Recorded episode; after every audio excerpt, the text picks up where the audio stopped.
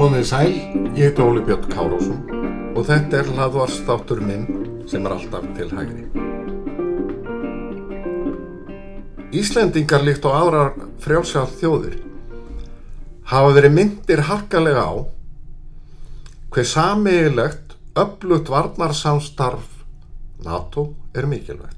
Værukerð, sakleysi eða rómatískar hugmyndur um voppleysi og frið elskandi heim eru tálsín sem í gegnum söguna hefur kostað þjóðir sjálfstæði og miljónir manna lífið. Svíverðileg innarás rússa í Úkrænu undir stjórn hrotta sem virðir korki sjálfstæði þjóðanir frelsi einstaklinga hefur leitt vel í ljós hversu berskjaldaðar frelsa þjóðir geta orðið gagart yfirgangi þegar það eru efnahagslega háðar þrælmenn. Engu er líkara en að barnaleg stefna helstu ríkja Evrópu í orkumólum hafi fyrst og síðast falist í því að verða stöðut háðari Rúslandi um ólju og gas. Engin liðtogi, allara síst í Þískalandi, hafði áhyggjur á því hvernig barnaskapurinn gróf undan öryggi vestarætna þjóða. Joe Biden, bandaríkjafósiti, hefur smitast af glamskigni evróskara stjórnmálamanna. Innrásinn vakti leðtoga vesturlanda upp af vondum draumi, martruð. Þeir þurfti að horfast í augu við að hafa illa sint varnar og örgismálum, fyllt ábyrðalöysir í stefnu í orkumálum og sínt domgrendaleysi í samskiptu við óbeldismann sem telur sig hafa náð tökum á frjálsum þjóðum líkt á eitulífiasali sem nýtir sér neyð fíkilsins. Og það hefur orðið algjör um pólinn í stefnun flestara ríkja Evrópi í örygjus og varnamálum. Þjóðverðar ætla að stóra auka framlögti hermóla, Finnland og Svíþjóð verða innan tíðar fullgildir aðilar að NATO. Ögvitið það sem Pútin ætlaði sér hefur samstaða innan NATO orði meiri og almenni stuðningur við það stóra aukist í öllum löndum.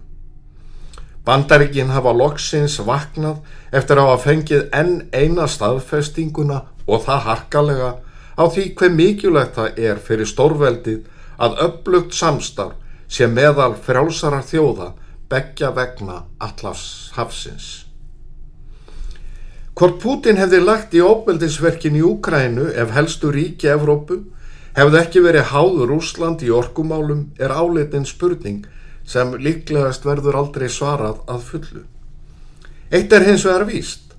Ákvörðunin um innrós var að minnstakosti einfaldari og í huga óbeldismannsins í Kreml fremur áhættu lítil.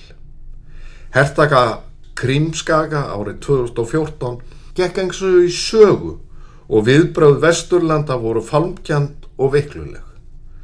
Viðskipta þinganir Gagart Rúslandi voru sniðinar að hagsmunum stærstu ríkja Evrópusambansins bitlausar og skiluðu litlu öðru en einhverju sálaró, embættismanna og stjórnmálamanna á meginlandi Evrópu.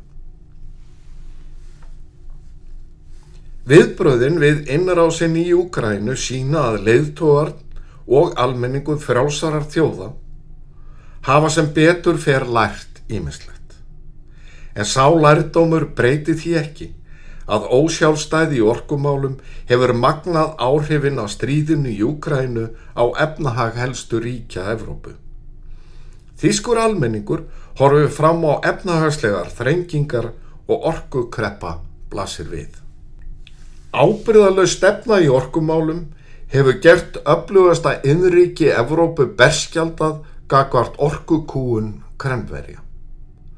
Það er ekki síst þess vegna sem að vinstri stjórn Ólaf Sjúls kanslara hefur ákveðið að halda kólaverum en gangandi þrátt fyrir lovorðum að hætta allir í kólanótkun fyrir árið 2030 og það er ekki ólíklegt að ríkistjórnin neyðist til að hætta við að loka þeim þremur kjarnorkuverum sem enn eru starfandi að óbreyttu verður ekstra þeirra hætt í lok þessa árs. Lokun verana átt að vera loka nýkkurinn í áratuga langri áætlun um að binda enda á notkun kjarnorku í Þískalandi og var mótuð í stjórnatíð Angelu Merkel fyrverandi kanslara í kjölfar hörmunga í Japan. Stuðningur við að halda rekstir kjarnorku verana áfram hefur aukist en Politico vefritið greini frá því að nýlega könnun leiði ljós að 61% landsmanna eru því fylgjandi. Andspænis orkukreppi hefur andstaðan við að framlengja líf kjarnorkunar mingað. Jável meðal græningja sem er aðilar að ríkistjóninni er viljið til þess að fresta lókun verana. En málið er viðkvæmt, umdelt og geti hæglega klófið flokk græningja. Ákvörðun rúsneska ríkis orgu fyrirtæki sinns Gazprom í, fyrir nokkru að minga flutning um Nord Stream 1 gasleiðsluna frá Rúslandi til Þískalands neyður í 15. flutningsgetu eigur ekki aðeins þrýsting á Þísk stjórnvöld heldur einni líkurnar á orgu skorti á komandi mánuðum sem hefur alvarleg efnahagsleg áhrif ekki aðeins í Þískalandi heldur um alla Evrópu. Þískaland er ekki eitt um að vera háður rúsum um gas og olju. Um 40% af gasi sem notað er í löndum Evrópusambansins kemur frá Rúslandi og fjörðungur oljunar. Það er lífsnauðsynlegt fyrir Evrópusambandið að endur heimta sjálfstæðið sitt frá rúsum, endur heimta sjálfstæðið sitt í orkumálum. Úsula van der Leyen fórseti frangatastjórnar Evrópusambansins hefur líst í yfir að sambandið ætla að renna fleiri stóðum undir orkuöflun og snúa sér að sem hún segir áræðalegri og tröstari samstarfsaðilum en rúsum. Kapplöpið er sem sagt hafið um ólíu og gas sem er ekki frá Rúslandi. Kostirnir sem er í bóði eru hins vegar ekki án siðferðilegra álitamála. Sáti Arabia, Katar, Alsýr og Íran verða almenn mannréttindi lítils en í orgu neyð eru stjórnvöld þessara landa kannski, kannski ílskári en Pútin. Á komandi mánuðum og misserum verður það eitt megin verkefni leiðtóga Evrópu að tryggja orgu örgi. Og þá skiptir ekki öllu hvort orkan er óhrein eða græn. Tryggt aðgengi á orku er ekki aðeins forsenda efnahagslegra velmegunar heldur einni matvala öryggis og landvarna.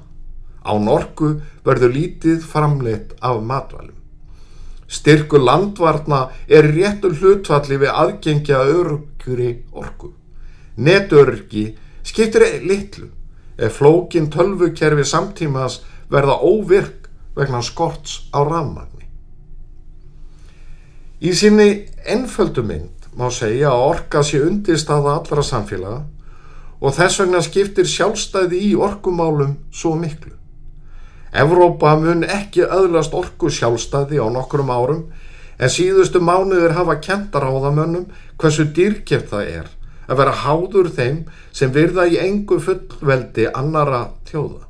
Þessu leiti erum við Íslendingar í öfundsverðuri stöðu. Með því að nýta auðlendi landsins framleiðum við okkar eigin orku að stórum hluta og lit flestum öðrum þjóðum nótum við grætnar orku.